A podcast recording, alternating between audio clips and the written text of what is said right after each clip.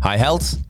Stel dat je precies over 10 jaar vanaf nu wordt ontslagen bij het bedrijf waar je momenteel werkt.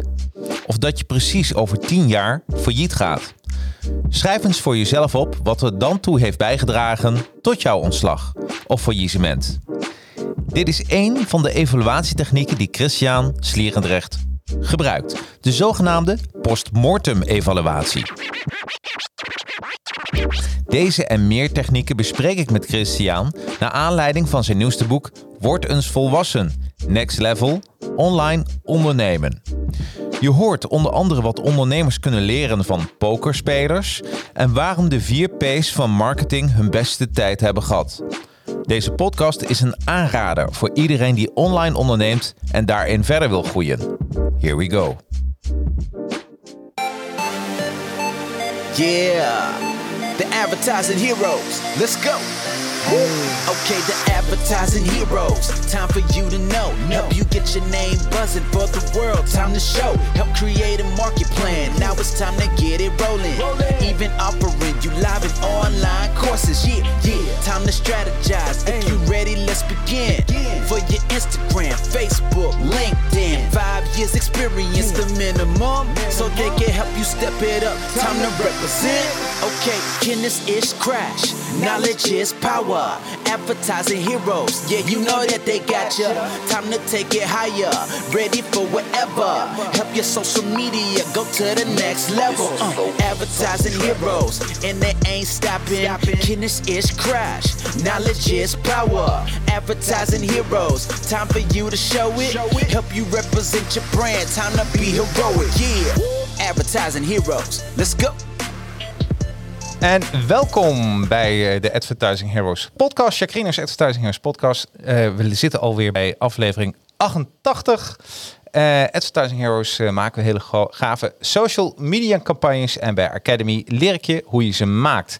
Dat is eigenlijk, nou, dat is eigenlijk een heel korte pitch, toch? Dat valt best wel mee.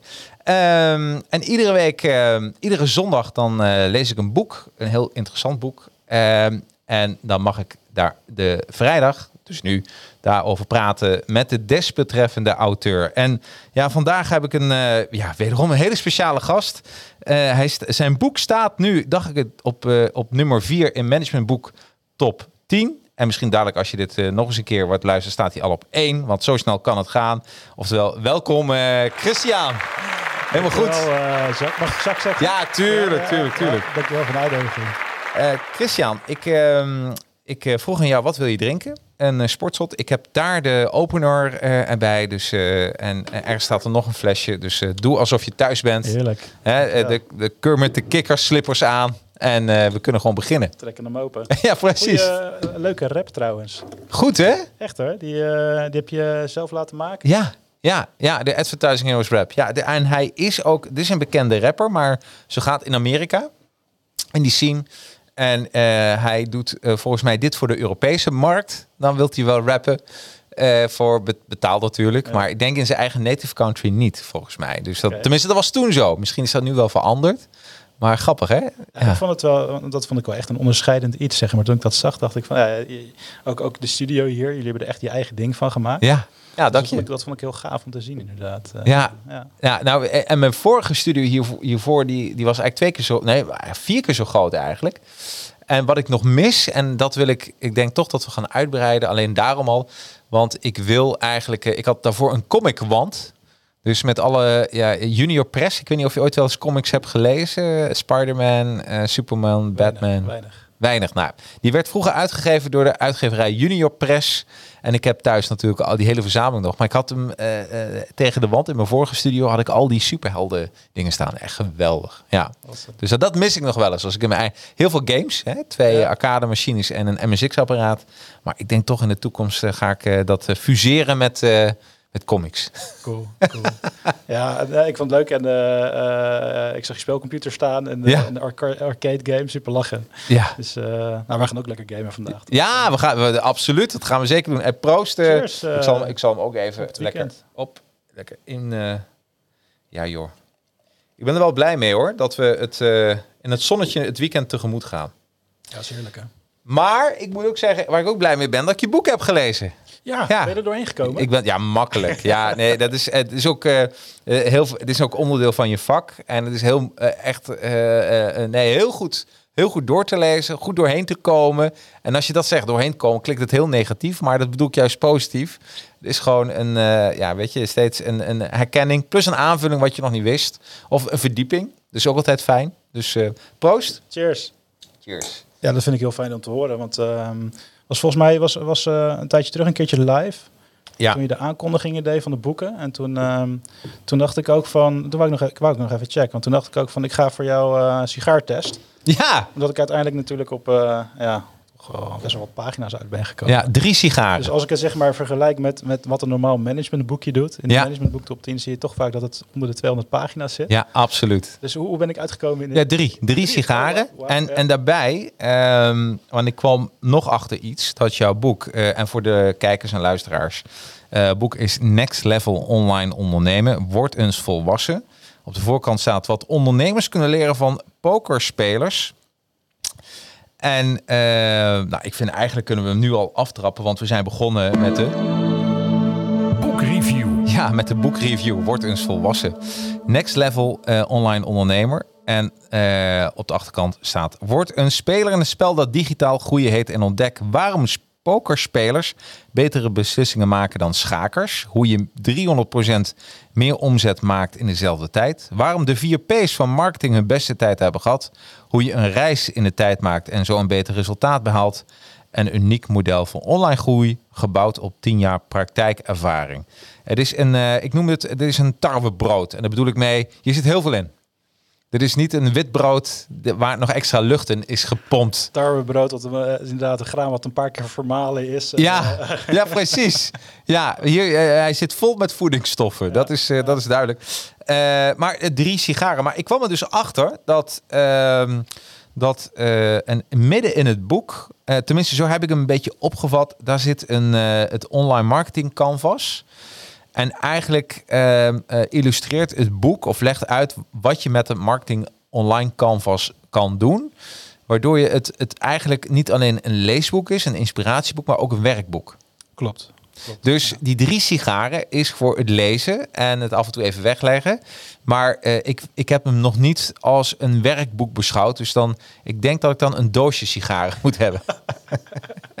ja, dus eh, hey, ehm, ja, ehm, waarom moet je ondernemen als een pokeraar en niet als een schaker? Ja, ja, leuke vraag. Ehm, ja, ik, ik, ik maak eigenlijk ook wel de vergelijking eh, in het boek tussen een, eh, een, pokerspeler en een schaker. Ja, En wat ik, wat ik wel grappig vind is als je, ehm, als je bijvoorbeeld eh, gaat zoeken online op Google Image, Image Search bijvoorbeeld naar, naar plaatjes over strategie. Dan komen er heel vaak van die schaakstukken komen er naar boven of van die schaakborden. Ja. wat je dan in, in, een, in een image op je social Oh ja, media ja, ja. gebruikt of in een, in een blogpost. En, ehm, maar eh, veel ondernemers die denken dus ook dat ze moeten nadenken als een schaker. Terwijl als je kijkt naar wat een eh, grootmeester eh verbrengt, dat is vaak eigenlijk gewoon ver vooruit denken. Dus meer mentale kracht hebben, meer processingkracht, zijn tegenstander goed inschatten. Ehm, en zijn speelwereld is eigenlijk vrij tweedimensionaal. Dus een schaakbord heeft 64 vakjes en je hebt vaste zetten. Ja, Dus dat is de wereld van de, van de schaker, van de grootmeester. ja. Ehm, als je dan kijkt naar een pokerspeler, dan is de wereld al een stukje complexer geworden. Dus ehm, je hebt eh, verschillende tegenstanders, je hebt verschillende ehm eh stack sizes, of hoe groot je stack, stack is, of hoeveel punten je hebt. Je hebt verschillende eh, handen die je kan spelen. en je hebt ook nog eens een vrij groot kanselement. Ja. Dus het grootste verschil tussen een. je moet natuurlijk wel een, een verschil maken tussen een winstgevende pokerspeler en een recreatieve pokerspeler. ja. Ehm, dus het grootste verschil tussen een recreatieve speler en een win- winnende pokerspeler is dat de winnende pokerspeler die maakt eigenlijk elke hand die die speelt, maakt hij een optimale beslissing. Eh, met, het, op het, met, met, met, met, het, met, het, met, eh, met het doel om op de lange termijn dus eh, positieve, een positieve winstverwachting te, te hebben. Eh, en daar komt dan nog bij dat je moet niet, laten, niet moet laten afleiden door een hand die je verliest of een hand die je wint. Dus het kan, kan even tegenzitten. Hè. Je kan Ja. tien keer achter elkaar zeg maar, de beste kaarten hebben en alsnog je, wint, eh, je hand verliezen. Eh, en dan moet je wel emotioneel ook eh, tegen bestand zijn. Dat is ook. Je moet tegen je... Je mag je microfoon een beetje zo bijdraaien naar je mond. Ja. Voor ja, dat gaat zonder problemen. Zo? Ja, top. Ja, Ah, top. top. Ehm, maar dat is, want dat vond ik ook een, een, een echt iets prachtigs uit het boek. Dat je, je, je moet je verlies kunnen nemen. Dus je moet er mentaal wel tegen bestand zijn. En zou je dat ook als een criterium als onderneming, eh, ondernemer kunnen betitelen? Dat sommige mensen zijn gewoon niet geschikt als ondernemer. Omdat die meteen eigenlijk al een angst in hun bed liggen als ze denken... oh, kan ik deze week wel alle rekeningen betalen van mijn medewerkers... of van mijn bedrijf of van mijn leveranciers? Ja. Nou, ik denk wel dat dat, dat natuurlijk heel, dat is heel menselijk, weet je. Want eh, Ja. eh, zorgen worden soms ook bij ondernemen. Ehm, alleen, ehm, ja, kijk, als je zeg maar dan de ondernemer er ook nog naast zet, dan eh, het speelveld van de ondernemer is nog oneindig complex. Dus Ja. dan, eh, we hebben nog niet eens gehad over de belastingdienst of, eh, of wet en regelgeving Ja. of dingen die je maar moet doen.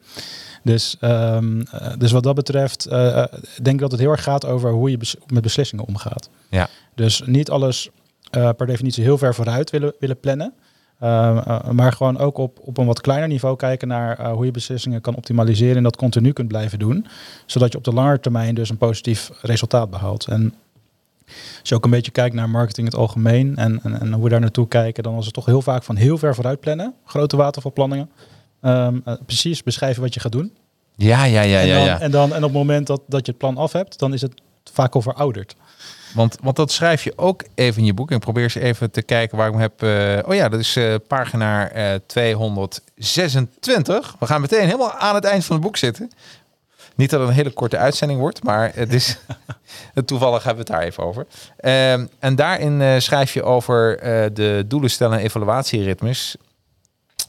Doelen stellen is lange termijn, is één keer tot twee keer per jaar.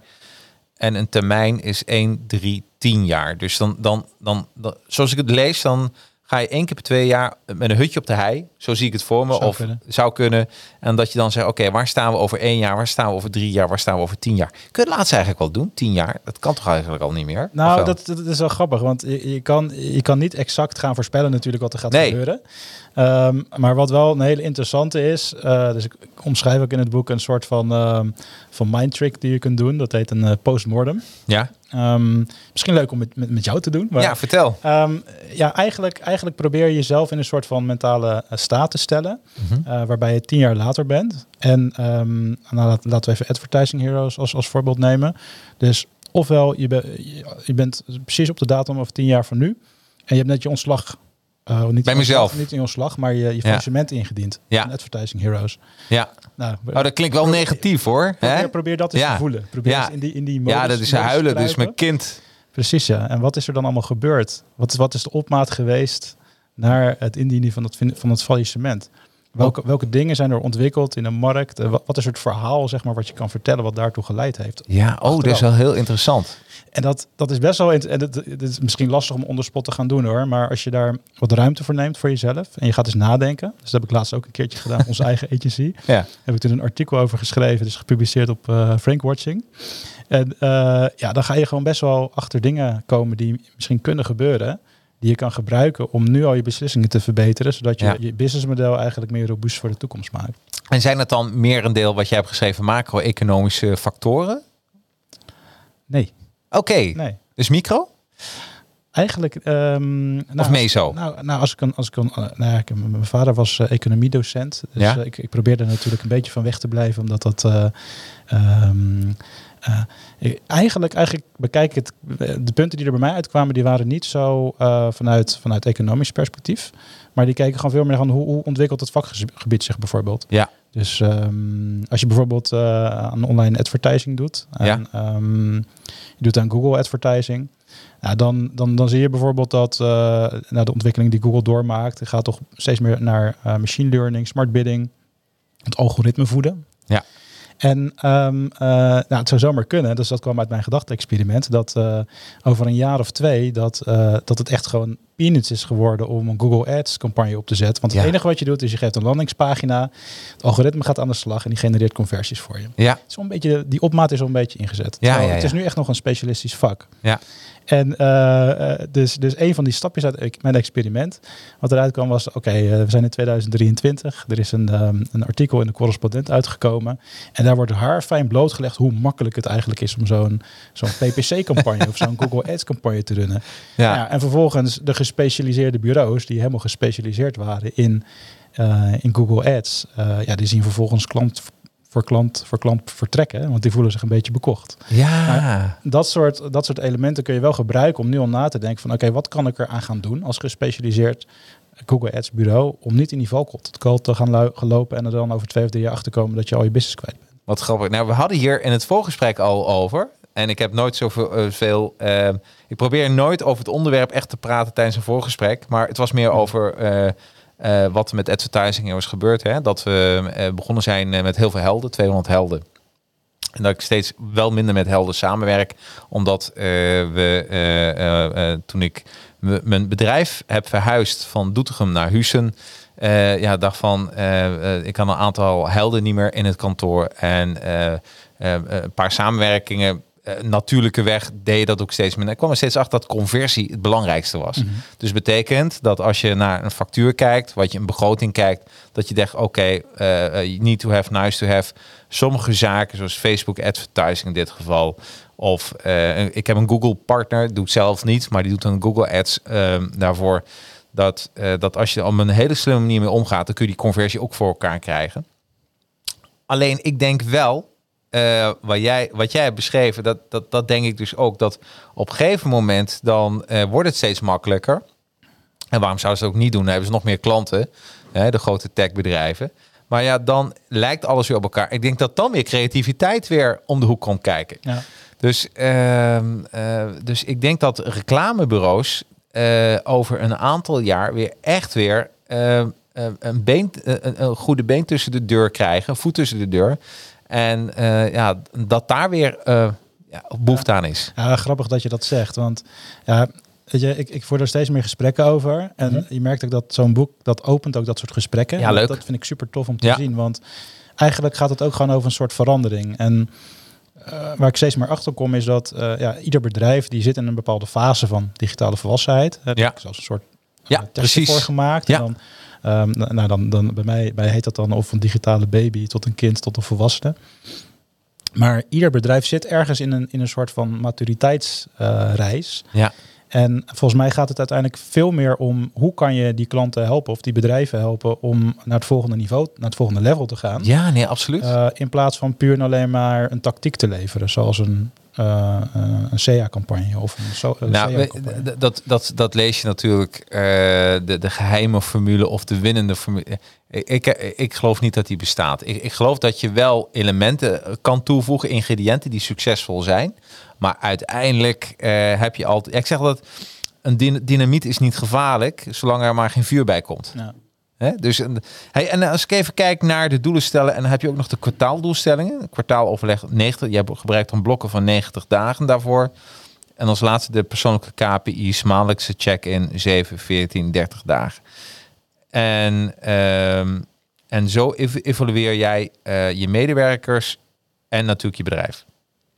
Nou, het, het verschilt een beetje. hè, Want je benoemt Hmm. bijvoorbeeld het ritme van 7, 14 en 30 dagen. Dat zou je op campagneniveau kunnen doen. Dus je Mhm. zou bijvoorbeeld kunnen zeggen van oké, als je heel veel extra gas wil geven en je, genereert veel bezoekers naar een site, dan moet dat interval korter zijn. Dus dan zou je het bijvoorbeeld om de, om de zeven dagen kunnen doen. Of misschien zelfs nog korter afhankelijk van de hoeveelheid traffic. Ehm, wat wij met onze eigen, eigen team eigenlijk nu aan het doen zijn sinds kort is eh, niet per se terugkijken, maar meer op feed forward zitten. Dus als je het echt over persoonlijke ontwikkelingen he- hebt, dan, Ja. dan kijken we eigenlijk liever vooruit.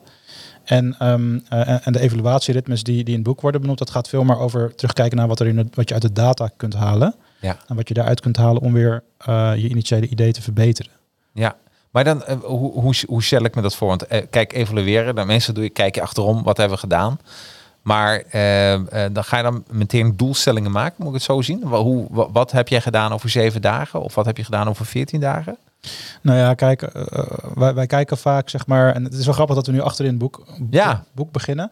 Want in principe kan je de delen ook loslezen. Ja, daarom. Ja. Ehm, maar wat wij vaak eh, doen is wel ehm, eh, eerst maar samen met de klant kijken van wat wil je de komende 12 maanden bereiken. Mhm. En, en daar zitten natuurlijk bepaalde doelstellingen, ook kwantitatieve doelstellingen vaak in. Ja. Nou, die ga je vervolgens terugvertalen naar, oké, wat is er dan ongeveer nodig per kwartaal, ongeveer per, per maand om daar naartoe te werken. Maar dat is een soort momentopname. Dus dat is bijna altijd een half jaar later is dat wel anders. Of misschien eh, moet je wel gaan shiften in, in, in, in hoe die doelen liggen. Ja.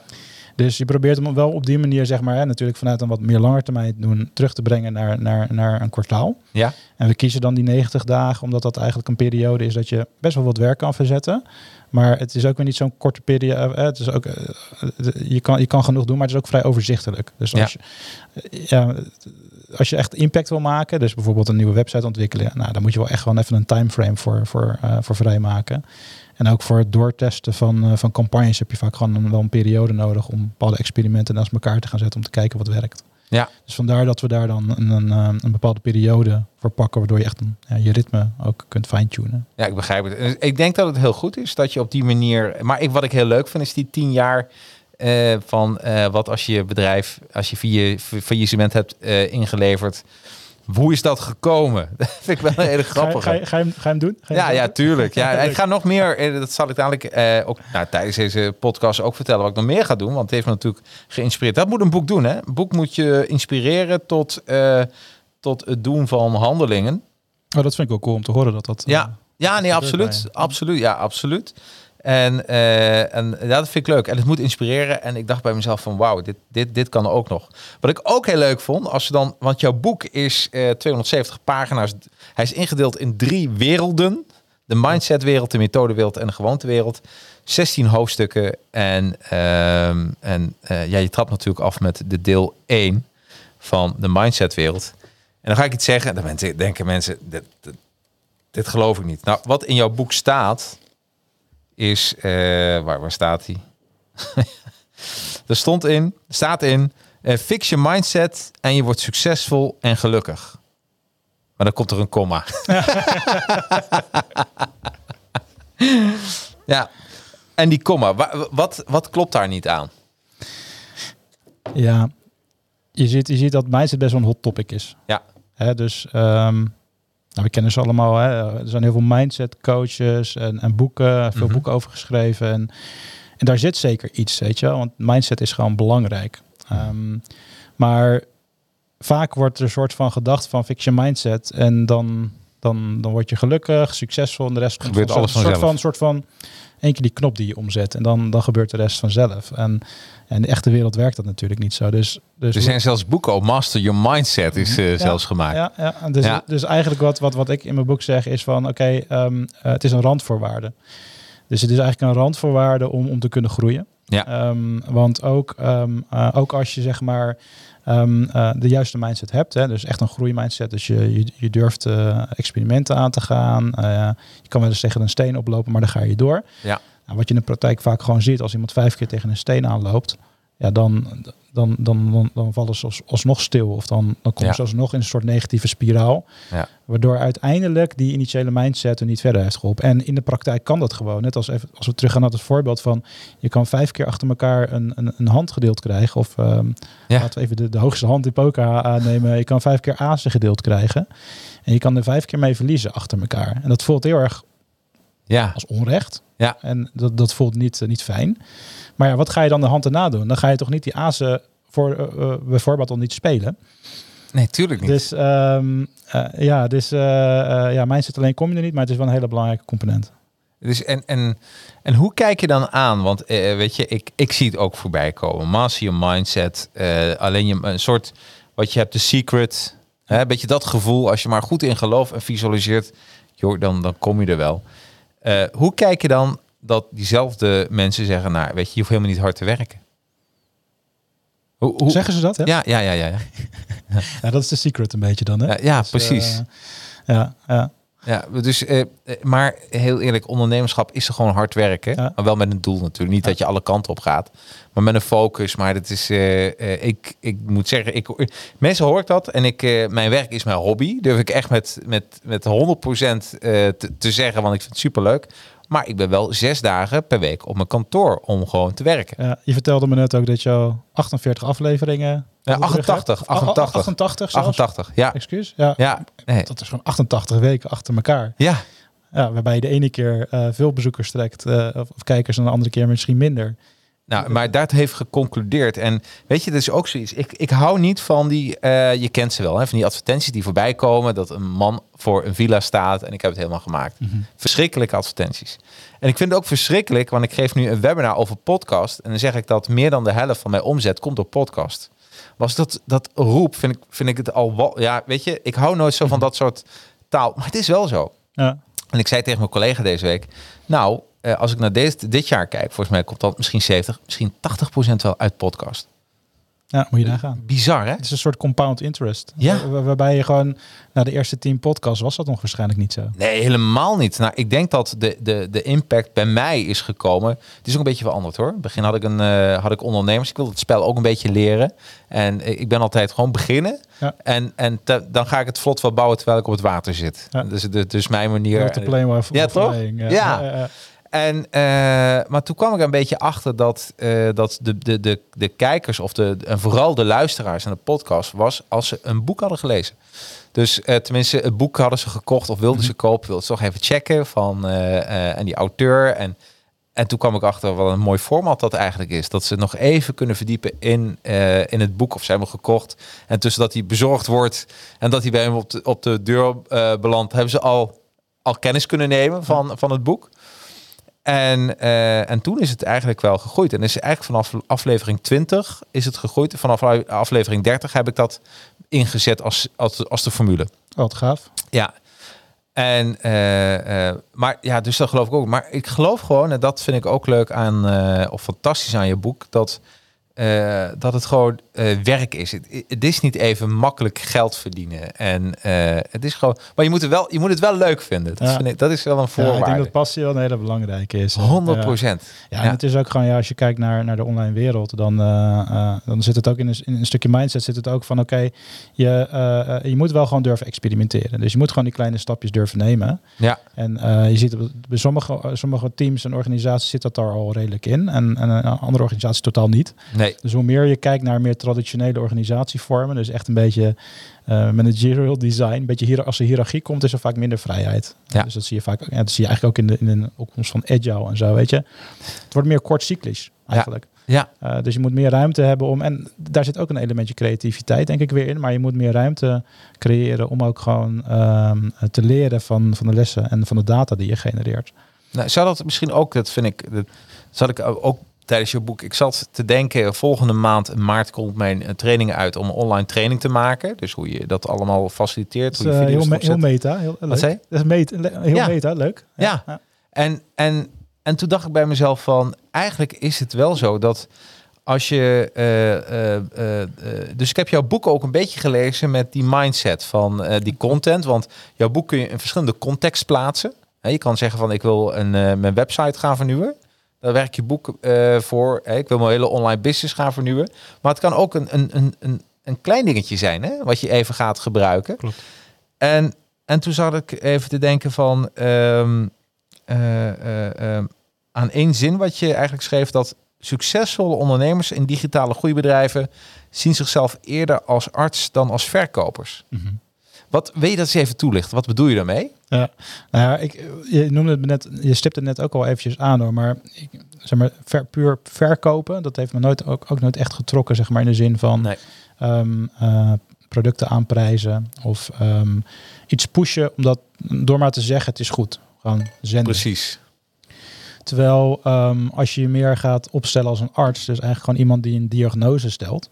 Dus je gaat in gesprek met een potentiële klant. ehm, eh, je gaat vooral vragen stellen. Dus je gaat vooral vragen waar ze tegenaan lopen. Natuurlijk wel vanuit jouw vakgebied en jouw, jouw perspectief, en jouw, of jouw kader in ieder geval.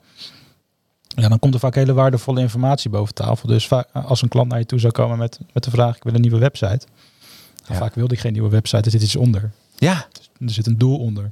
ja, op het moment dat je dat doel kan achterhalen, dan kan je ze echt gaan helpen. Hè? Dat is misschien meer klanten bereiken of, of misschien wel meer impact maken in de wereld. Weet je? ja. Nou, als je daar dan je oplossing aan op gaat, op gaat hangen, dus eigenlijk gewoon meer een soort van adviserende vorm van verkopen. ehm, ja, dan, dan ben je niet voor je gevoel niet aan het verkopen. Dat was voor mij in ieder geval best wel een eye-opener. Ja, ja, dat klopt. Nou, en dat zie je, en dat zie je dus in de online wereld. Zie je nu dat er eh, bepaalde funnels bestaan hoe je online iets moet verkopen. En, ehm, en, eh, eh, en ik denk dat dat ook wel iets is wat vrij, eh, vrij jammer is. Omdat als mensen één keer een succesje hebben gehad, dan, dan, dan zeggen ze, we zijn nu eigenlijk de, ja, de goeroe wat dat Mhm. betreft. En dan gaan ze daarmee adv- adverteren. En dan krijg je dat soort. En dat mensen al. Ik had laatst een eh, wel leuk. Ik had laatst een Facebook ads had ik, had ik geplaatst. over mijn podcast. En had ik één regeltje gewoon even in van.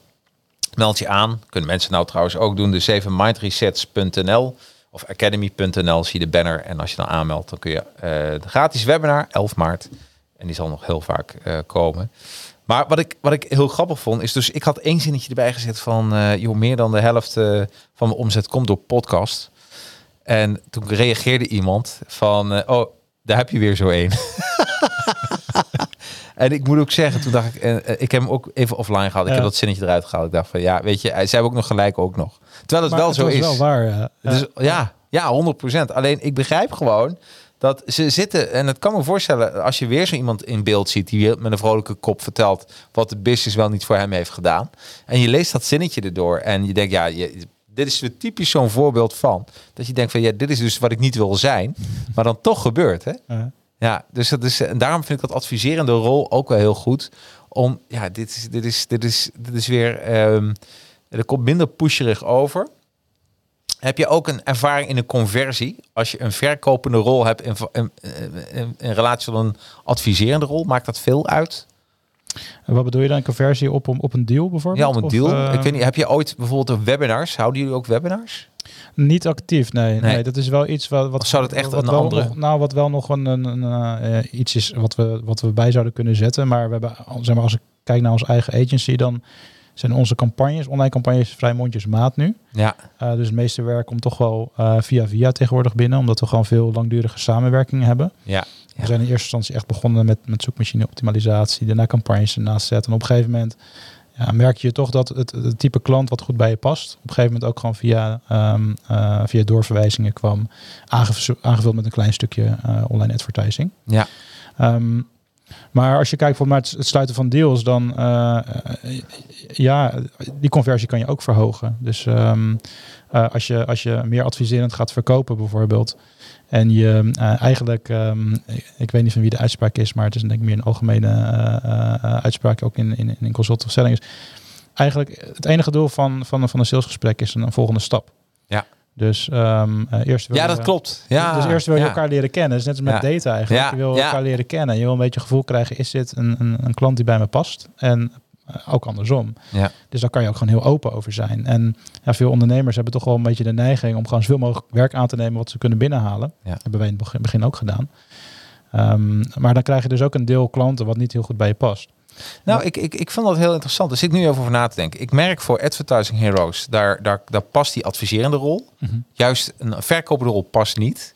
En je gaat voor Academy, een ander bedrijf, eh, dat, dat gebeurt, die contact gebeurt altijd online, Ja. via webinar. En, eh, Dus dan en- verkoop je, hoef je eigenlijk niet te verkopen. Dus meer marketing. nou, dan moet je wel verkopen. En dat is het grote verschil.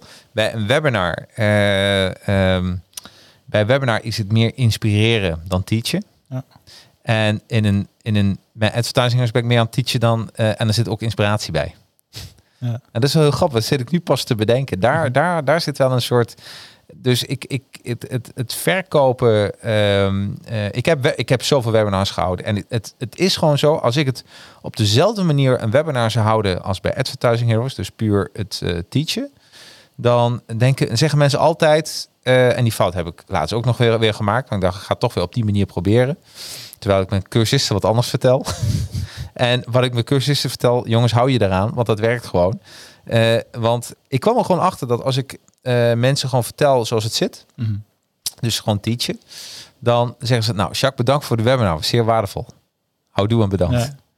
Terwijl als ik mensen inspireer tijdens een webinar, dan komen er wel sales. Ja. Dus dat is, ook, misschien zit het daar ook wel een beetje in. Eh, ga je met de persoon om tafel tijdens een, een, een eerste intakegesprek dan, eh, adviesgesprek, hoe je het wil noemen, maar dat je dan, eh, dan, ja, dan, ja, dan is er al een bepaalde commitment. En een webinar Ja. heb je dat nog niet. Ja, en het ding is volgens mij ook van inspireren is ook echt jouw ding, weet je wel? Ja. Dat is, daar, daar, daar, daar leef je voor en dat straal je uit. Ja, En op het moment dat iemand daarop aanhaakt, dan is dat waarschijnlijk ook iemand die daardoor aangaat. Ja, precies. Ja, oké, dat is bijna een rijmpje. Bij- bijna een iets wat je op een tegeltje kan zeggen. Maar, Ja, maar, precies. maar eh, dan trek je dus ook mensen aan die gewoon al goed bij je passen eigenlijk. Ja. Want Ja. die voelen zich met je verbonden op een of andere manier. Precies. En dat is wel mooi van. En, en, en zeg maar, als je echt nog die verkoop moet doen, dan, dan zal daar ook een deel eh klant tussen zitten die converteren, die eigenlijk misschien toch weer ja, stoppen of eh lang, minder lang klant blijven. Of, ja, dus ja, waar ik heel erg in geloof is eh, toch eh, gewoon aan de, aan de voorkant wel gewoon daar goed, goed samen mee in gesprek gaan. En altijd aansturen op een lange termijn relatie. Dus de, ja, dat is ook zeg maar als je het boek leest. Ik, ik wil, wou ook ex- bewust niet iets schrijven van een zo de zoveelste funnel waar je zoveel per jaar Nee, joh. Dus, dus zeg maar het methodestuk, eh, het, bouwen van een me- methode of het methodestuk is wel eh, het, de body van het boek. Ja. Maar het is meer een wendbare methodiek. Ehm, eh, want het is in elke situatie weer anders. En, ehm, Nou, en, en volgens mij is hij ook. eh, kijk, elk boek, en dat is wel zo over online, die is eh, volgend jaar weer verouderd. Ik denk dat jouw boek nog wel even mee kan. Want hij, hij, hij bespreekt. Nee, maar hij, hij bespreekt niet van hoe je een Facebook-ad maakt. Klopt. Hè? Maar hij, hij bespreekt de, de, de, het speelveld en hoe je daarin in moet bewegen. Ja, die keuze, dat, dat heb ik wel heel bewust proberen te doen inderdaad. Ja. Want ik zie ook dat eh, ja, veel boeken die, die, die zijn gewoon eh, vrij, hebben een beperkte houdbaarheidsdatum. Ja. Ehm, ook als je kijkt naar het onderwijs bijvoorbeeld, dan zie je gewoon, oké, je leest een studieboek over marketing en dat is eigenlijk gewoon al verouderd als het van de druk, drukpers afrolt. Ja.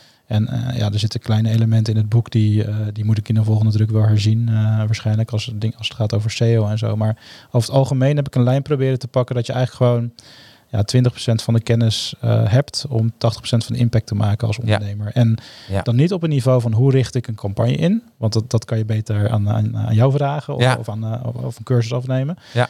Ehm, maar dan wel op een niveau dat je kan sparren, bijvoorbeeld met specialisten. Dus dat je gewoon weet van oké, als ik een, een, een tekst opgeleverd krijg van een copywriter, dan heb je wel de tools in handen om een check te doen of dat ook optimaal gestructureerd is. Of ook Ja. echt op conversie gericht is. Hetzelfde geldt van hoe, hoe een webdesign wordt opgeleverd. Je kan gewoon meepraten. Je- Ja, nou, dus daar, dat is, ja, weet je, Dat til is je dit- super, super interessant. Ik kan me voorstellen, ik heb daarvoor eh, als eh marketingmanager gewerkt. En dan praat ik over de jaren 2000 tot 2009 eh, bij een groot winkelbedrijf. En eh, ik weet dat mijn voormalige directielid dit boek dan ontzettend had kunnen waarderen. Omdat hij dan, dan kun je toch een beetje inleven als je dan spart met het reclamebureau, met het online bureau.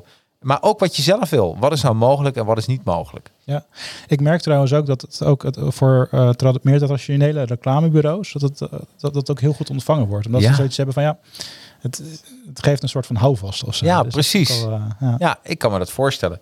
Ehm, wat je ook schrijft, dat vind ik, en dat is ook weer de link naar die online trainingen in maart. En dat is iets wat ik iedereen wil, aanra eh, wil raden, wordt besproken in je boek. De MVP van Eric Ries. Eh, De Minimal Viable Product. Ehm, begrijp je welke kant ik op wil als je een online training maakt? Dat je die MVP echt moet toepassen? ja. Zou, zou jij, want ik, ik denk dat ik deze podcast eh, als een soort extra module in mijn online training zet. Oh, ja, ja, Ja, ja, ja. ik denk dat het leuk is. Dus eh, jongens, hier zijn we. maar eh, wat, wat, wat, wat bedoel je met een MVP en waarom moet je dat doen bij een online training? Ja. ja, het staat voor Minimum Viable Product. Dus eigenlijk echt een prototype. Dus ehm, ja, wat je online gewoon heel goed kunt doen is gewoon een, je hebt een idee. En in, in, dit geval is dat een, een online training. Ehm, en je wil gewoon zo snel mogelijk gaan testen wat, wat, wat werkt en wat niet werkt. Dus eh, wat je vaak ziet is dat, dat mensen toch een beetje aanhikken tegen het afmaken ervan. Dus eh, heel lang nadenken over de puntjes op de i en de content. En ja, kijk, als je productwaarde toevoegt, dan, eh, ja, dan, dan, dan kun je beter gewoon kleine stapjes maken. Ja. Ehm, en eerder dus ehm, eh, iets online hebben. Dat hoeft nog niet helemaal perfect te zijn. Natuurlijk moet het wel kloppen en, en het moet kwalitatief zijn. Ehm, maar je kan in ieder geval zien wat, wat het doet en of het aansluit bij de doelgroep. En Ja. je kan eh, testen hoeveel het je gaat kosten aan online advertising om een conversie te zetten bijvoorbeeld. Precies. Super waardevolle data Ja. om, om te hebben. Ja. Ehm, dus dat bij, ik kan me heel goed voorstellen bij een online training eh, dat het een hele goede route kan zijn in je, wat je, wat je in je, in je, eh, in je trainingsaanbod opneemt. En begin simpel. Dat zou ik. Mijn allereerste training van mij was 2013. Het ging over Facebook, nog, nog niet zo over advertising. Maar toen was dat, ja, als, hoe moet je een bedrijfspagina maken? Weet je, echt wel heel, heel, eh, heel eh, eh, primair gewoon. En nou, toen ik dacht van, ik ga die training maken. En alles gescript, Mhm. ingesproken. Ehm, eh, het is heel veel werk. Als je een script Ja. hebt, dan moet je inspreken. Daarna moet je je videobeeld erbij doen. En als je dan één uur video maakt, dan ben je echt wel, een, nou, echt even flink mee bezig. En eh, toen had ik hem klaar en eh, dvd's en mensen waren daar wel blij mee. Maar toen was ik zelf eh, was ik met de tweede training bezig aan het maken, was ge- gewoon LinkedIn. En toen was ik aan het, toen was ik hem terug aan het luisteren, wat ik had gemaakt. En toen dacht ik, jeetje man, wat, wat, wat heb ik, omdat het zo gescript is, hoorde je geen eutje, geen aatje. En op een moment, het was echt, wat ik zei, klopt ook allemaal. Maar de thinking time was voorbij. Het, eh, het werd, werd het ook onnatuurlijk daardoor? Ja, werd onnatuurlijk. En, en dat is het nadeel als jij iets het compleet script in een training. Dan eh, alle eutjes en aatjes, dat is een soort. Dan geef je de andere ook even ruimte om te denken. Ja. En, en wat, wat ik ook verkeerd deed, het waren lange video's. Mijn instructievideo's zijn nu 5 tot 10 minuten max. Omdat het voor mij ook makkelijk, omdat in de online wereld verandert dingen heel snel. Dus als er iets verandert, hoef ik alleen maar één filmpje te vervangen. Ja. In plaats van alles. Dus ook heel eerlijk, dat is het beste manier daarvoor. Maar ook, ook dat, hè, dat je even snel kan terugzoeken. Ehm, dus mijn, mijn, mijn derde training, dat was wat heb ik eraan? Allemaal apps die men kon gebruiken. Dat heb ik gewoon een beetje zo ingesproken van ja, Ja. nu zie je dit en dit. En daar was ik veel sneller mee klaar. En eh, iedereen zei ook, Jacques, dit was, dit was, die vond ik nog veel beter dan de vorige. Ja. Niet qua inhoud, maar qua... eh, en toen heb ik geleerd Minimal Fiber Product. Toen kwam het boek ook uit van Eric Ries, de Lean Starter. Ja. En toen heb ik dat weer in die contraien gezien. Toen dacht ik, ja, dit is wel zoals je het eigenlijk zou moeten doen. Gewoon begin gewoon. Eh, Je hoeft die, die, je hoeft nog niet alles af te hebben. Bedoel ik wel dat de training, dat de basis goed moet zijn. Maar sommigen willen nog een quizje eraan koppelen. Of nog eh, de training extra uitschrijven als een soort transcriptie. Eh, dat hoeft allemaal niet. Ja, eigenlijk zou je eigenlijk kunnen zeggen dat doordat je dat script er los hebt gelaten, dat het meer authentiek is geworden. Of meer casual. Waardoor, Ja. waardoor het eigenlijk ook leuker is om naar te kijken. Precies. Eh, het, is, het is best wel grappig hoe je dat dan, ja, als je dat, hoe je dat zo ervaart. Want eh, eigenlijk maak je jezelf je eigen drempel lager. Ja, Je maakt het jezelf makkelijker om iets neer te zetten wat mensen leuker vinden. nou je komt er gewoon achter dat je dat in de tijd dat ik één training opnam, waarvan ik dacht van, oh zo moet dat. In die tijd nam ik nog gewoon drie trainingen op. Ja, is herkenbaar. Factor drie. Ja, ja, en dat is denk ik ook gewoon, daar moet je doorheen door dat proces. Ja, Ik heb het zelf ook gehad hoor. Met, eh, eh, ik, ik, ik schreef, ik blogde al heel erg veel. Vroeger toen ik eh, leer was bezig was met mijn leerproces met, met, met poker, maar ook als ondernemer. Dus ik schreef heel veel en ik publiceerde het niet. nee. Omdat ik gewoon een soort perfectionisme in me heb of had. Ehm, eh, en ik wou dat perfect was. Ja, Ja, dat, ik on- ontnam me daarmee een enorme, leerkans mee. Want eh, als je gewoon die artikelen publiceert, dan kunnen mensen het zien. Dan, creëer je zichtbaarheid, mensen kunnen erop aanhaken, het Precies. gesprekken openen. Dus ehm, ja, hoe ik dat bij, bij mezelf heb ik daar op een gegeven moment gewoon maar een blogpost over geschreven. met, met de titel eh, de, per- de perfectie van imperfectie. ja, En toen was ik wel voor een groot deel genezen. Dus eh, maar soms, moet je, soms dat. moet je daar echt even doorheen of zo. Eh, Zeker als, als je als ondernemer gewoon niet gewend bent om dat te doen. nee. Zou het ook een beetje kunnen zijn ehm, eh, door onze leeftijd? En Daar heb ik ook over na zitten Mhm. denken. En waarom ik dat zeg, van wij komen net uit de, de, de, uit de traditionele media en de online media. Daar zitten we net tussenin. En wat mij opvalt, het verschil tussen die twee. ehm, ehm, de traditionele media was vroeger zo, dan maakte je een product. En, eh, en pas als je helemaal klaar was, Mhm. dan bracht je hem op de markt en dan ging je het promoten. Ja. Dus je ging het pas, eh, eh, ja, het werd gewoon opgediend aan tafel. Als een restaurant is, werd opgediend aan tafel. Tegenwoordig hebben we een wereld waarin we laten zien hoe de kok de producten koopt, Ja.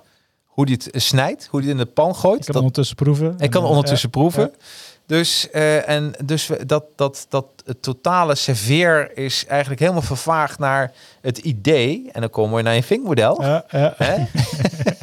Hè, van idee naar conversie, want dat is jouw model die je hebt bedacht. Klopt. Eh, maar ik denk dat dat het gewoon is. Dat je die, eh, dat we, eh, eh, dat ik denk dat de generatie van nu er wat minder moeite mee heeft, denk ik, met dat traditioneel, het, het, dat het helemaal 100% perfect moet zijn. Omdat mensen weten van, ja, je, je ziet alles. Ja, en je ziet alles veranderen en ontstaan. En, Ja. eh, dus ja, eigenlijk, eigenlijk is de, de traditionele aanpak van een watervalplan en heel ver vooruit denken, past daar gewoon niet meer goed. Nee, nee, ik bedoel, Maar ik- vind het wel herkenbaar wat je zegt, want ik, ik weet nog wel dat eh, toen wij eh, jong waren ehm, en we hadden nog fototoestellen die niet digitaal waren. ja, ging echt geen selfies maken. Je, kent, je kent een paar mensen die dat wel deden. En dat Ja. vind je raar. Ja, ja, Eh, en, en nu is het de normaalste zaak van de wereld. ja, En doet iedereen het. ja. En dan als ik kijk naar mijn dochtertje, die is drie. Nou ja, die zit ook gewoon met een smartphone. En die loopt op de speeltuin eh, iedereen hallo te zeggen. En, eh, en ja, foto's te schieten. ja. Dat, daar is echt wel iets veranderd in generaties. En dat, dat, dat zie je ook op de, op de werkvloer. In, in organisaties. Dus je ziet toch wel dat veel... daar, daar is een beetje een soort van kanteling gaande. Dat ehm, het grootste deel van de workforce nu gewoon uit jongere generaties bestaat. Die dus al gewend zijn of opgegroeid zijn met internet. En daar ook door zijn gevormd. Ja. En dat, dat, dat, dat, heeft, dat heeft gewoon iets met ons gedaan. Ook met Ja. hoe, we, hoe we omgaan met informatie, hoe we keuzes maken. En, ehm, en, en, en een deel van de oudere generaties, eh, als ik kijk naar mijn eigen ouders of zo, die gaan er ook op een andere manier mee om. Ja. Eh, dus daar, eh, ja, als je, als je kijkt naar, naar bedrijven en, en, en, en, en ondernemers die gewoon niet dat we minder lang hebben geleefd eh, ehm, zonder internet dan met bijvoorbeeld. Eh, ja, dan, dan, dan zit daar gewoon een soort slagje in wat je nog denk moet maken om, om het maximaal uit het online kanaal te halen. ja. Oh, dat, denk, Ehm, dat denk ik ook. Dus dat is wel een hele interessante dynamiek, zeg maar. Dat is gewoon, dat is nu gaande, weet je. En dat is ook gewoon een soort van eh, ehm, nou, generaties die het over gaan nemen van de andere generaties. En misschien, eh, ja, misschien is dat over twintig jaar wel helemaal geen issue meer. Want dan is iedereen zo native geworden met, eh, met online en met digital dat, eh, dat het vanzelf gaat. of. Ja, ja, dat denk ik ook. En dat daardoor eh, dat mensen niet meer de- het gevoel hebben dat mensen ook du- fouten durven maken tijdens dat proces. Ja. En dat zie je bijvoorbeeld ook bij kickstart dingetjes. Dat mensen zeggen, oké, we hebben dit idee en je kan ons backen en dan kun je geld betalen. En uiteindelijk kun je bijvoorbeeld zeggen van, weet je, ik, ja, of jeetje, de productie van chips loopt nou een beetje verkeerd. Eh, we lopen hier en hier tegenaan. En dat je het probleem, dat je, dat je de mensen gewoon een deelgenoot maakt van je probleem. Waarvan de fans zeggen, ah joh, dat is echt, echt erg. Nou ja, weet je, dan wachten we toch een paar maanden langer. Wat Ja. maakt dat uit? Ja, ja, cool. Maar ook, ook meer vanuit communities te gaan werken. En eh, dat je een soort deelgenoot bent van het proces. Ja. En eh, is natuurlijk totaal anders dan hoe dat vroeger ging. Ja, het is echt social. En dat, en dat maakt het eigenlijk ook wel leuk. Hey, maar jouw Fink-model, want eigenlijk, eh, eh, je schrijft in je boek dat, en ik denk dat heel veel mensen dit ook naar de oude marketeers, of de me- mensen die wat langer in een marketingvak moet ik eigenlijk zeggen, eh, dat de vier P's dood zijn. En dan bedoel je product, prijs, plaats en promotie. Maar hoezo? Een product blijft toch, een, een P van plaats blijft toch ook, en Ja. promotie blijft toch ook? Ja, ja, ja, ik heb zelfs op de achterkant van de koffer heb ik een plaatje gezet. Dat kreeg, kreeg ik als tip van, van de relatie van me. is lekker even een beetje provoceren. Hè? Dan- Ja. Natuurlijk, de titel is... eh, Als Ja, precies. de titel heeft, rips. de, titel ik, heeft ik als hem, eh, eh, voor de mensen die dit in de auto volgen, het is een soort eh, ja, doodsteen. En dan noem dat een grafsteen. grafsteen, Ja. ja, met vier rips. Rip, rest in peace. Rest in peace. Ja, Dus de, de, dat heb ik wel geleerd, hè, dat proces van een boek schrijven. De titel heeft als doel dat je het boek omdraait, als het nog een fysiek boek is. ja precies. En dan de achterkant moet ervoor zorgen dat je het openslaat. Ja. Weet je? Ehm, maar op zich, kijk, de 4P's als, als, als, als marketingmodel is best wel een robuust model. Want Ja. als je kijkt hoe lang het al bestaat. Ik weet niet of je bekend bent met het Lindy-effect. Ja, Ehm, eh, voor, voor degenen die het niet, niet kennen, eigenlijk eh, komt het erop neer dat iets wat lang bestaat, dat heeft een neiging langer te bestaan. Dus dat zie je Ja. ook bij, eh, bij bedrijven en bij ideeën bijvoorbeeld. Ja. Ehm, eh, dus op zich qua, eh, qua, qua model is het denk ik nog steeds relevant. Alleen het is vaak een uitvloeisel vanuit, eh, eh, vanuit hoe je een business runt tegenwoordig. Dus als je bijvoorbeeld kijkt naar Coolblue, die zijn begonnen als Ja. online club met heel veel webshops. On- Ondertussen is dat alweer één brand, maar die zijn op een gegeven moment winkels gaan openen. Eh, omdat zij gewoon op die manier kunnen bijdragen aan hun obsessie voor klanttevredenheid. Dus het komt veel meer vanuit van binnen naar buiten, vanuit de kern, zeg maar. En niet dat zij zijn gaan kijken van nou, de P van plaats. Oh, hier komen de meeste poppetjes langs. Daar gaan we een winkel neerzetten. Dus het is een hele andere dynamiek. Dus Ja. zeg maar de, de, de, de 4 P's of de 5 P's of hoeveel P's je ook wil benoemen, Ja, zijn nog steeds relevant. Ja. Maar het is vaak meer een uitvloeisel van, eh, van hoe je met een, op een moderne manier met business omgaat. In plaats van dat dat het, het eikpunt is waar je al je strategische beslissingen op, op, op baseert. ja, Dus dat is een beetje de nuance die ik daarin mee wil geven. En ehm, ja, we hebben het al een paar keer aangestipt, maar eigenlijk is een 4P-model ook gewoon gebaseerd op eh, het schrijven van, van, van statische lijvige plannen, die je dan gaat uitrollen. En die vaak alweer verouderd zijn op het moment dat je hem eh, geschreven hebt. Ehm, en daar, eh, daar, daar biedt het Vink-model eigenlijk een, alterna- een eigentijds alternatief voor, ehm, wat dus geen waterval is, maar een cyclus. Nou, en eh, om dit even eh, een beetje eh, concreet te maken, hè, de theorie. in je boek schrijf je over Coolblue versus Scheer en Foppen. Klopt. En ik ben ook nog op kantoor van Scheer en Foppen geweest in mijn reclamebureau tijd. Dat is ook heel grappig. Dus ik, heb dat ook, ik ben daar ook nog geweest. Leuke marketingmanager had je toen. Ehm, maar ehm, als je dan kijkt hè, naar Scheer en Foppen, die pakken dan de vier. Zo kan me dat voorstellen. En verbeter me als, als je, want je hebt het boek geschreven, verbeter me als ik daar een fout maak. De P van plaats. Dus dan gaan ze met een, een bureau gaan ze kijken waar kunnen wij de beste. Wat zijn de stra- strategische manieren om een, een winkel te beginnen? Want daar lopen de meeste traffic langs. Nou, vervolgens eh kijkt men naar het omveld. Nou, ze weten al welke producten ze gaan aanbieden. Want eh, dat is scheer en foppen. Wat was het? Wit en bruin goed Ja. bij elkaar. Ja. Eh, dus dat is wel eh, duidelijk. Eh, dan kun je ook kijken van oké, dan hebben ze wat deeltjes met leveranciers, zodat ze bepaalde merken wat eerder krijgen, ook van bepaalde korting. Hè, heb je ook de prijs, een beetje de, ja, de, de, de prijspromoties.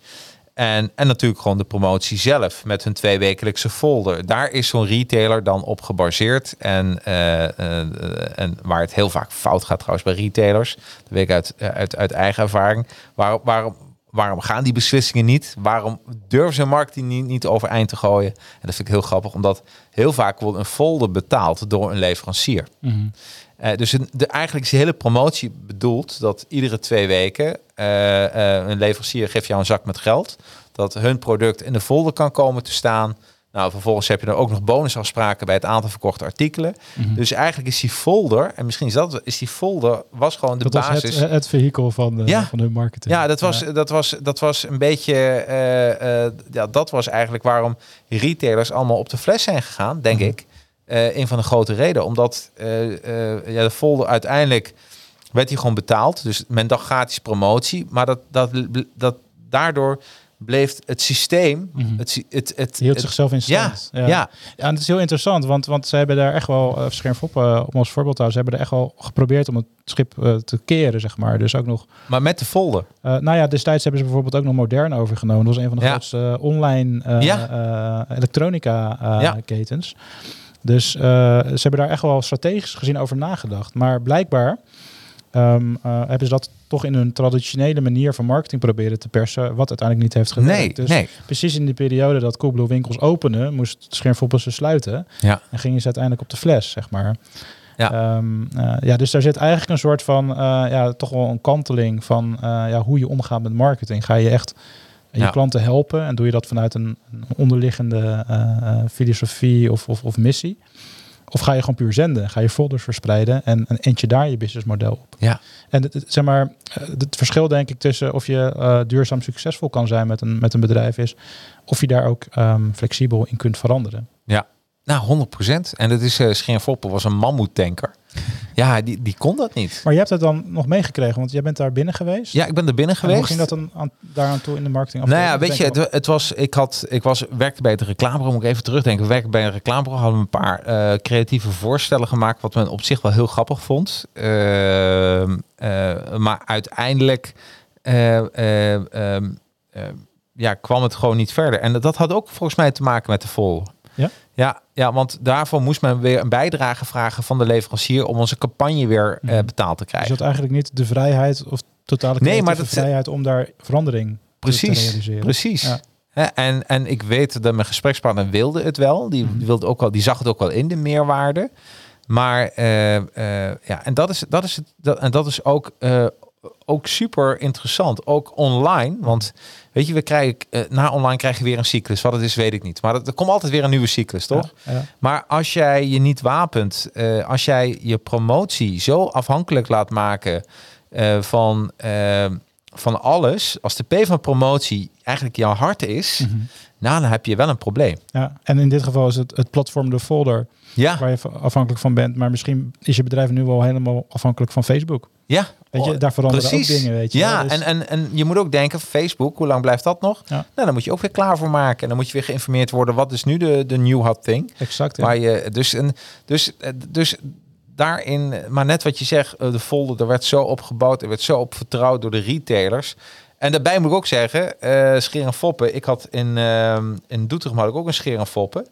Uh, maar steeds als ik daar wat wilde kopen, hadden ze het niet. Ja, ja dezelfde ervaring Ja, hè? heb ik ook. Ja, ja. ja. Dus ja, ik, ik beschrijf ook in een, een voorbeeld in het boek dat ik, eh, ik, ik liep een paar honderd meter van een filiaal en eh nou, hij was natuurlijk ik zit in de online marketing, dus Ja. ja, als mijn MacBook adapter kapot gaat, dan wil ik wel meteen een nieuwe. ja, tuurlijk. En normaal zou ik die online bestellen, heb je hem dag laten binnen, maar Ja. ja. toen liep ik daar naar binnen en toen, ja, toen hadden ze hem ook niet. En eh, het, was, het was ook zeg maar, ik kon niet eens een verkoper vinden.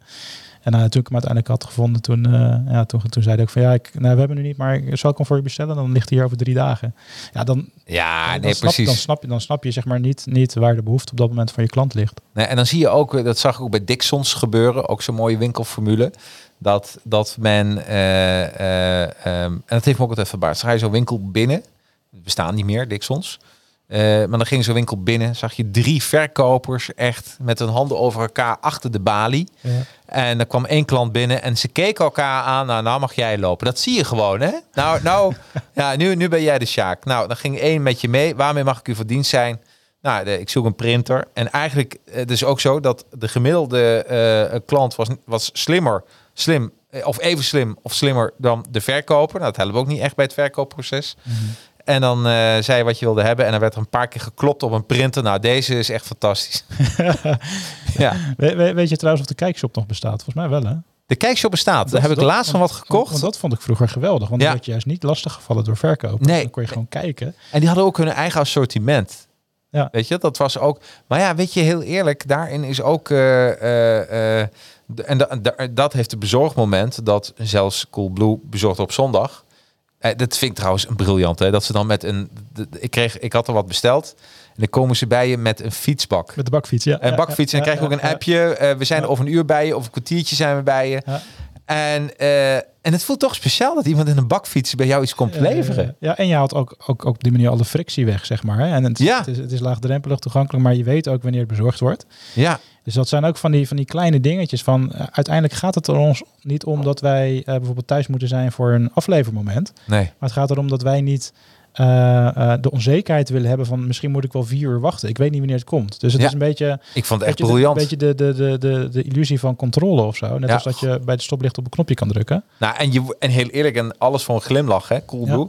En dan doe je de deur open en dan ontstaat die glimlach. Want er stond een eh, meisje voor mij.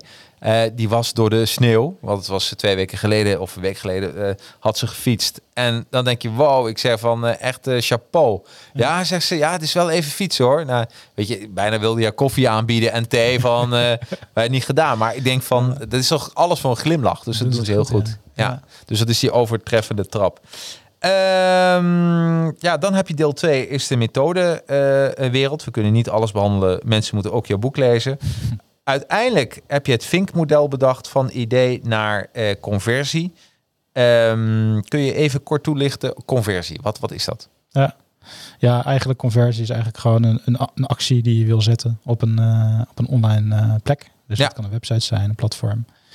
Ehm, Dat men koopt, downloadt. dat zou kunnen, maar je, je, ook kan, je kan het eh, af, afdefiniëren tot aan eh, een like of een comment of eh, een microconversie. Ja. Ehm, het belangrijkste is dat je het gaat meten in ieder geval. Ja. Dus dat je ook echt kunt zien van oké, ik stuur bezoekers naar, naar een website toe. Hier hebben ze een bepaalde conversieactie. En uiteindelijk is natuurlijk uiteindelijk het doel is om een, om, om een lead te genereren of een verkoop te doen. Uh, maar wat daar wel belangrijk in is dat je nadenkt over wat zijn die micro-stapjes. Ja. Ook omdat als je, als je met advertising werkt, het wordt steeds belangrijker om die microconversie te definiëren en dat ook te voeden aan de algoritmes van, uh, van Google's, Facebook's en uh, Ja. alle advertentieplatformen. Ja. Nou, en daar is jouw, en jouw eh, boek geeft eh, tips over landingspagina's, de indeling daarvan. Dus als mensen dan eh, op een advertentie klikken, komen ze op een pagina. Nou, daar is een bepaalde manier geschreven. De indeling is op een bepaalde manier, een bepaalde formule. En waardoor er dan eerder gekocht wordt wanneer je dat niet toepast. En die tips staan ook in jouw boek. Klopt. Ehm, en wat natuurlijk ook belangrijk is, je, eh, en dat is een beetje het hart van het boek, heb je de Digital Marketing Canvas. Ehm, en eh, voor iedereen die al eerder met een eh, soort canvas heeft gewerkt, komt die bekend voor. Ehm, maar dat is eigenlijk, die kun je ook gratis downloaden. Eh, er staat een URL in het boek. Nou, ik zou iedereen willen aanraden. Ik heb hem nu even op A3 uitgeprint, maar ga even naar een, eh een copyshop. Vraag dat ze die op A2 willen uitprinten. Denk ik dat het heel goed is met Ja. post-it er even opplakken. En dan wordt het opeens een werkboek. Ja. Dus eigenlijk die, die tweede hoofdstuk wordt een werkboek. En dat zou ik echt iedereen aanraden met een online afdeling. eh, of gewoon je bedrijf dat je denkt van, goh, ik wil dat graag gaan doen. Dat zal je ontzettend helpen. En dan als laatste wil ik even met jou bespreken de deel 3. De gewoontewereld, want ik, eh, die, die digital canvas, die wordt hier ook geprint. Dus vandaar dat ik zei, wij gaan uh, superleuk, ook voor ons om even te kijken. Uh, en mijn eigen uh, rouw advertentie of mijn rouw uh, verhaal te schrijven over tien jaar. Maar wat ik, wat ik heel leuk vond, is de Theory U. Ja. kun je daar iets over vertellen? Ja, zeker, zeker. Ja, een aantal jaar geleden eigenlijk. Ja, ik heb een elementje uit Theory gehad, want het is een wat bredere uh, eigenlijk change stroming. Oké, okay, maar um, oké, okay, dus je hebt een vragenlijst. Klopt. Dat ja. is toch niet ja. alles, maar wil je hem helemaal hebben? Is dat een cursus, een training, een boek? Nee, nee, nee. Dit is echt. Er zijn meerdere boeken geschreven. Uh, er zijn. Ja, het is echt een, een change uh, methodiek en stroming. tot aan. Um, uh, embodiment gebruiken tot aan nou, echt van, van allerlei dingen. Maar ik heb er één praktisch ding uitgehaald. Oké. Okay. Nou, het is een vragenlijst die je eigenlijk ja. bijvoorbeeld uh, één keer per jaar of twee keer per jaar kunt doen. En die eigenlijk net als dat andere experiment, zeg maar, een soort in een ander perspectief plaatsen. Dus er staan echt uh, ja, vragen in die je dus... Uh, 16 vragen. Ja, en die triggeren je om bijvoorbeeld na te denken over dat je straks bent aanbeland aan het eind van je leven en op je sterfbed ligt. En ja, wat wil je dan, wat wil je dan achterlaten? Mooi. en vervolgens ga je naar een ander perspectief waarbij je gaat kijken van oké, okay, wat wil jouw, jouw jonge zelf je meegeven? jouw, ik weet niet, zevenjarige zelf of negenjarige zelf. Maar ja. een beetje... Um, uh, wat zou die nu tegen je zeggen? En als je een beetje gaat spelen met die perspectieven, dan merk je gewoon dat, dat er vaak andere dingen uh, aan antwoorden uitkomen die je echt helpen, ook om de beslissing in het nu te verbeteren. En wat we vaak zien is, zeg maar, dat we toch een gewoonte hebben om een beetje door te denderen en dan een beetje te blijven, blijven hangen in de waan van de dag, want we hebben allemaal hartstikke druk. Ja. Um, maar als je af en toe even uitzoomt en even dat moment pakt, dan, zie je, ja, dan kom je vaak tot inzichten die je op de lange termijn veel meer gaan brengen. Wat goed. En daar, daar is het echt een heel krachtig middel voor. Ik heb dat een uh, aantal jaar geleden uh, ben ik dat beginnen te doen. En uh, ja, je ziet echt dat veel. Ja, je, hoort nou iets, ah, een, een, dat heb ik altijd. Countdown, dus, goed is dat, hè? We zijn ja. op een uur. Ja, een uur. Dat, gaat snel, hè? Ja, mooi, hè? Voor de luisteraars, ik heb een soort tijdbom hier neergeplaatst. en die gaat af na een uur. Dus uh, ja, nee, maar dit, dit is echt geweldig. En een van de vragen is: wat is, in, uh, wat is er in je leven aan het sterven of aan het eindigen en wat wil geboren worden? Nou, hier, hier moet je echt over nadenken. Dat is een pittige vraag. kan best een confronterende vraag zijn soms. Hè? Ja, en wat je schrijft is: zorg dat je, als je die vragen gaat beantwoorden, die 16 vragen, zorg ervoor dat je in een ruimte zit waar je zeker 1 tot 2 uur niet zult worden gestoord. Beantwoord de vragen eerlijk en voor maximale impact herhaal je dit één tot twee maal per jaar. Uh, die staan ook allemaal in het boek. Dus wat ik zei, het is echt een, een, een, een leesboek. Het is een, een informatief boek, een inspirerend boek en een werkboek tegelijkertijd. Dus vandaar dat voor het leesgedeelte uh, en er af en toe even over nadenken, inspireren, maar reflecteren voor jezelf drie sigaren. Maar weer het helemaal uitvoeren, zou ik niet weten. Ik denk dat ik dan een doosje moet aanschaffen. En dat het dan een hele goede investering is om dat doosje aan te schaffen. Ja, ja, ja, je kan het echt als een werkboek eh, hanteren. Ja, maar ja, precies. En wat dat betreft, ik, ik vind het mooi hoe je het omschrijft. Ik, heb het mezelf, ik had het mezelf ook niet makkelijk gemaakt. Daarom heb ik er ook vier jaar over gedaan. Maar ik vind het wel, eh, wel heel gaaf dat je het ook op zo'n manier hebt gelezen. Dus Ja. dat vind ik echt heel tof. Ja, nou, we gaan het hier toepassen. Dus ik hou je ook, eh, en je zal af en toe nog even een uitzending voorbij komen. Wat we hebben gedaan met jouw Super, boek. leuk. Dus, eh, dus eh, super enthousiast. Dus ik zou het zeker aanraden. Word eens volwassen. En eh, ja, heel wel bedankt voor, eh, voor je komst. Dankjewel voor de uitnodiging. hè, we Eh, maar, ik heb maar een puntje van het ijsberg behandeld natuurlijk. Maar daarvoor moeten mensen ook maar het boek gaan lezen. precies, Toch? precies, precies. Hey, dankjewel. Ehm volgende week eh, eh, mag ik verwelkomen. Ik heb even een lijstje gemaakt. Eh Raymond de Loze van eh Do It Yourself Guru. Eh, staat nu ook hoog in de management top 10. Eh 12 maart, Aaron Merk. Alles wat PR-bureaus je niet vertellen. Ook altijd leuk om te weten. 19 maart, eh, je, je voelt het aan, dit is mijn, dit is mijn maartlijstje. Eh 19 maart om 4 uur Judith Steemeijer, de wakkere professional. En 26 maart, ik denk dat jij die persoon wel kent, Stella de Jager. Ja. Ja, Stella die, eh, de Jager eh, komt hier en we gaan het eh, hebben over de zeven onweerstaanbare schrijftips. Leuk. Ja, is een van mijn uitgevers. Ja, precies, Eh, van de eh, S2 eh, uitgeverijen. Dus ja, leuk. helemaal goed. Nou, nogmaals bedankt. En mocht er Ja, vragen bedankt. zijn op basis van deze podcast, kun je gewoon contact opnemen met Christian. Slierendrecht, wil je het boek kopen? Ik maak wel even een button die naar managementboek.nl gaat, dat je het boek meteen kan kopen. En ja, voor de rest tot volgende week. Hoi!